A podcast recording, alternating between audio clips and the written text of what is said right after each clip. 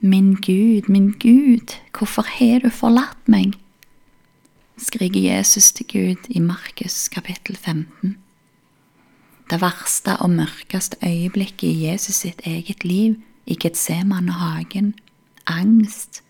Han kasta seg til marka og ropte til Gud. Følte på det at snart kommer det noen for å ta livet mitt. Abba, far, roper han i hagen. Til tross for kamp og angst og desperasjon, så stilte Jesus aldri spørsmål med sitt forhold til Far i himmelen. Han er fremdeles sin fars elskede sønn. La koppen passere, ber Jesus, men din vilje skje.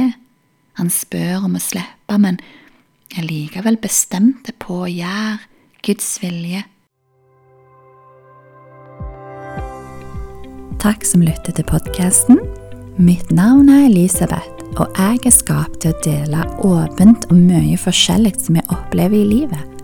Sammen søker vi Bibelen for sannhet, trøst og oppmuntring. Du får høre om bøker, mye musikk og historier. Og all slags tema som jeg syns er bra og viktig, snakker vi om. Håper du får lyst til å ta nye steg i tru, som gir vekst i livet som Jesu disippel, og grave dypere i Guds ord, om du har vært kristen lenge, er ny på veien eller søkende. Be Den hellige ånd og gi deg fokus, konsentrasjon og ei lærevillig ånd. God lytting. Hvordan vi møter frykta på, det gjør deg jo til modige. Frykt når noe uheldig skjer deg, skaper jo et instinkt i deg til å flykte ifra en overfallsmann eller sånn. Det er naturlig og bra at det skjer i en slik anledning. Du skjerper sansene, og vår respons kan redde dere. Men om en blir kontrollert av frykt, da blir det feil. Negative følelser er ikke ene alene feil. Vi blir redde hvis ungene våre er i fare, og det skaper handling til å dra dem til kanten på veien hvis en bil kommer kjørende, eller tar på de redningsvest på sjøen. Her i Sirog så vet vi hva kaien og sjøen og dette på sjøen kan være en slags fare som vi bygger liksom inn i ungene, respekt for kanten på kaien. Det skaper fornuftige handlinger i oss. Vi er skapt med følelse av en grunn i dette livet. Men vi skal få overkomme frykt når følelsen av frykt og bekymring og angst tar over i vårt liv. Til den grad at det er sjukt og vi sliter med å fungere. Man trenger ikke bare mot, men også legedom. Jesus han blir forrådt, forlatt, forslått, fengsla, håna, piska torturert, offentlig spikra splitters naken på et kors i alles skue. Der hang han for å dø. Og han roper ut fra korset i det verset som også leste, Min Gud, min Gud, hvorfor har du forlatt meg? Jesus kjenner ikke bare på den ekstreme fysiske smerten med å henge etter nagler som er kjørt gjennom hendene og føtter, og gradvis blir kvalt når en er så svak at en ikke lenger klarer å lufte kroppen opp av egen styrke for å trekke pusten. Men også hele Guds vrede for min og din synd lå på Jesus den dagen. Det er derfor han måtte dø. Hans smerte det går til dypet av hans indre for meg og deg sin skyld. Han tok vår skyld og skam og synd på seg den dagen på Golgata på korset. Og mye av den angsten og depresjonen og desperasjonen som vi kan kjenne på, det leder oss mennesker til håpløshet og følelsen av at ting aldri vil bli bedre. Vi blir liksom følelsesmessig døde, vi bare skjøtter ned. Vi snakker om tru, og vi snakker om håp og kjærlighet. Bibelen løfter fram det som truende over alt annet. Ofte snakkes det om kjærligheten og om troa, men hvor ofte hører vi om håpet? Håpet som vi får i tro på Jesus, det er et overnaturlig håp. Den hellige ånd vil hjelpe oss å forstå dette, at vi får styrke for dagen og håp for morgendagen. Paulus forteller om Abraham i Hebreabrevet kapittel 6. Han Abraham, da, han holdt tålmodig ut. Og på grunn av at han holdt ut og venta tålmodig, så oppnådde han det som var sagt i løftet til han ifra Gud. Smak på dette, tålmodig holdt ut. Tålmodighet, det vet knapt vi millennials hva er for noe. Vi vil helst at smerten når det er vondt og ubehagelig skal gå over på et blunk. Men Abraham, han holdt ut. Tålmodighet, det må vi òg lære, for da opplevde jo Abraham at løftet fra Gud blei til slutt oppfylt. Gud han kan bryte mye, murer som vi har bygd opp, løgn som har tårna seg opp i vårt liv, som store festningsverk, usannheter som er blitt sådd inn i løpet av livet som vi tror på. Dette bryter Gud ned, og vi slipper han til i vårt liv. Men en ting han aldri bryter, det er løftene sine. Løftene kan ikke svikte, de står evig fast. Himmel og jord kan brenne, bølger og hav forsvinne, men den som tror og stoler på Gud, vil finne der at løftene de rokkes aldri.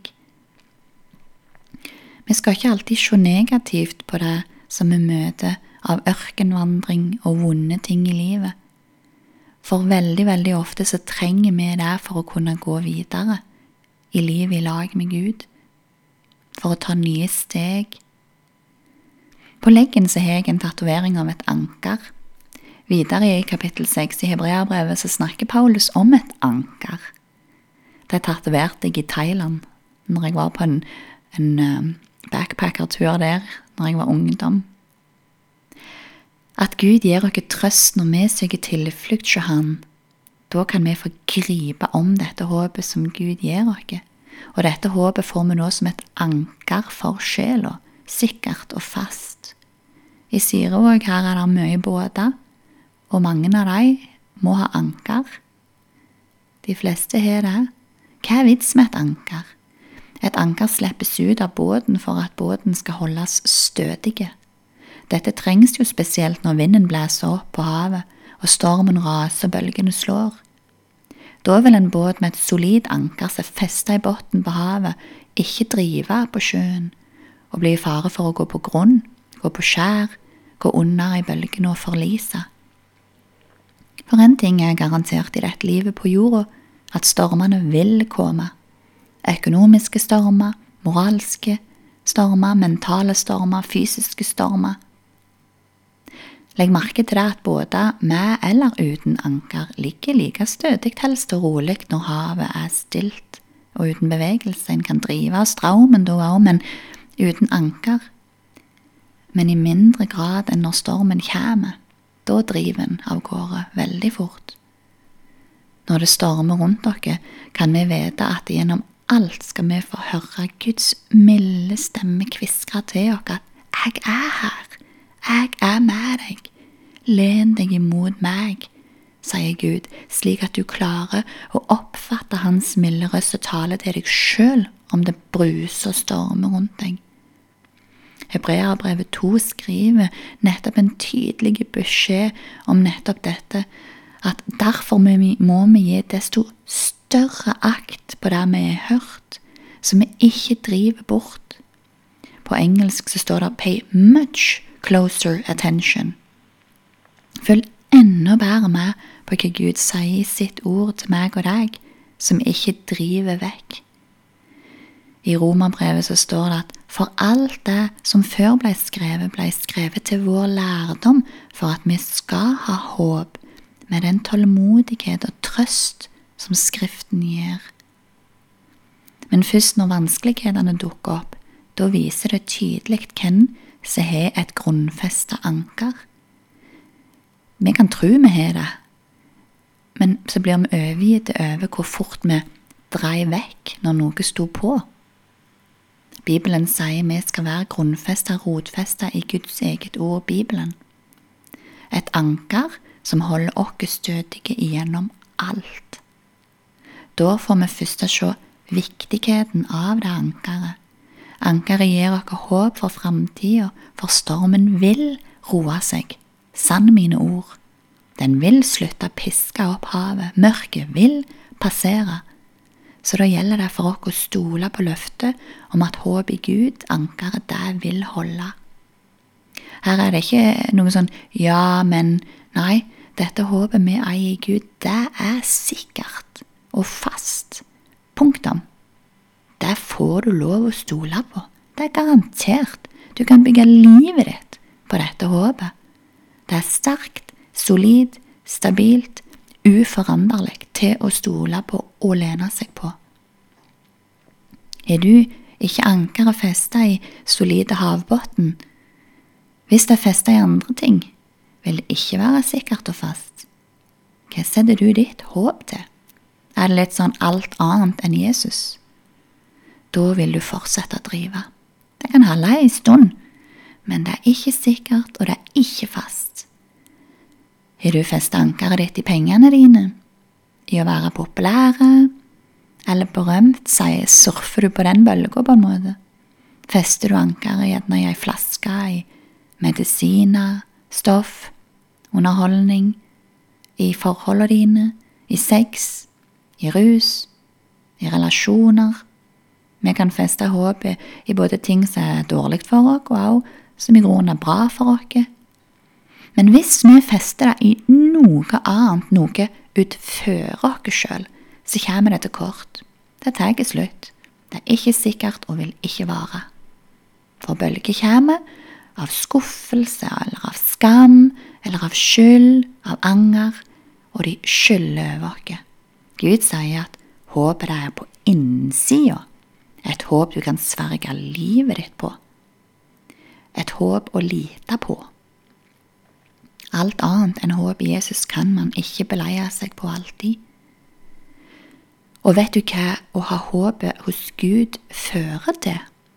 Fred. Ikke noe strev og kav. Ro og tillit til at det ankeret der nede i dypet som jeg ikke kan se engang, det heller. Finner vi ikke dette håpet i Gud, så blir vi like verden. Vi blir like stressa, like urolige, like ustødige, frykter og bekymrer oss på samme måten. Da må du ta til deg av Guds ord. Da må du grave dypere ditt anker inn i Hans ord, sånn at det står fast. Du må være føre var. Du må nytte de fredelige tidene i livet ditt til å bli rotfesta og grunnfesta før stormen kommer. I neste episode så vil vi se på hva som skiller det kristne håpet fra andre typer håp som vi kan ha, som at jeg håper på fint vær i morgen, eller? Skal vi også se på hva fienden vår, Satan, sin aller beste taktikk for å ta fra oss håp og tro og kjærlighet er, og òg hva som kan hindre deg i å ville lytte til budskapet om Jesus som vil redde dere fra dritten vår og gi dere evig liv håp. Vi skal også snakke om The Satanic Lullaby, altså den djevelske voggevise som spilles over den vestlige kirka. Følg med meg videre, og takk som lytter.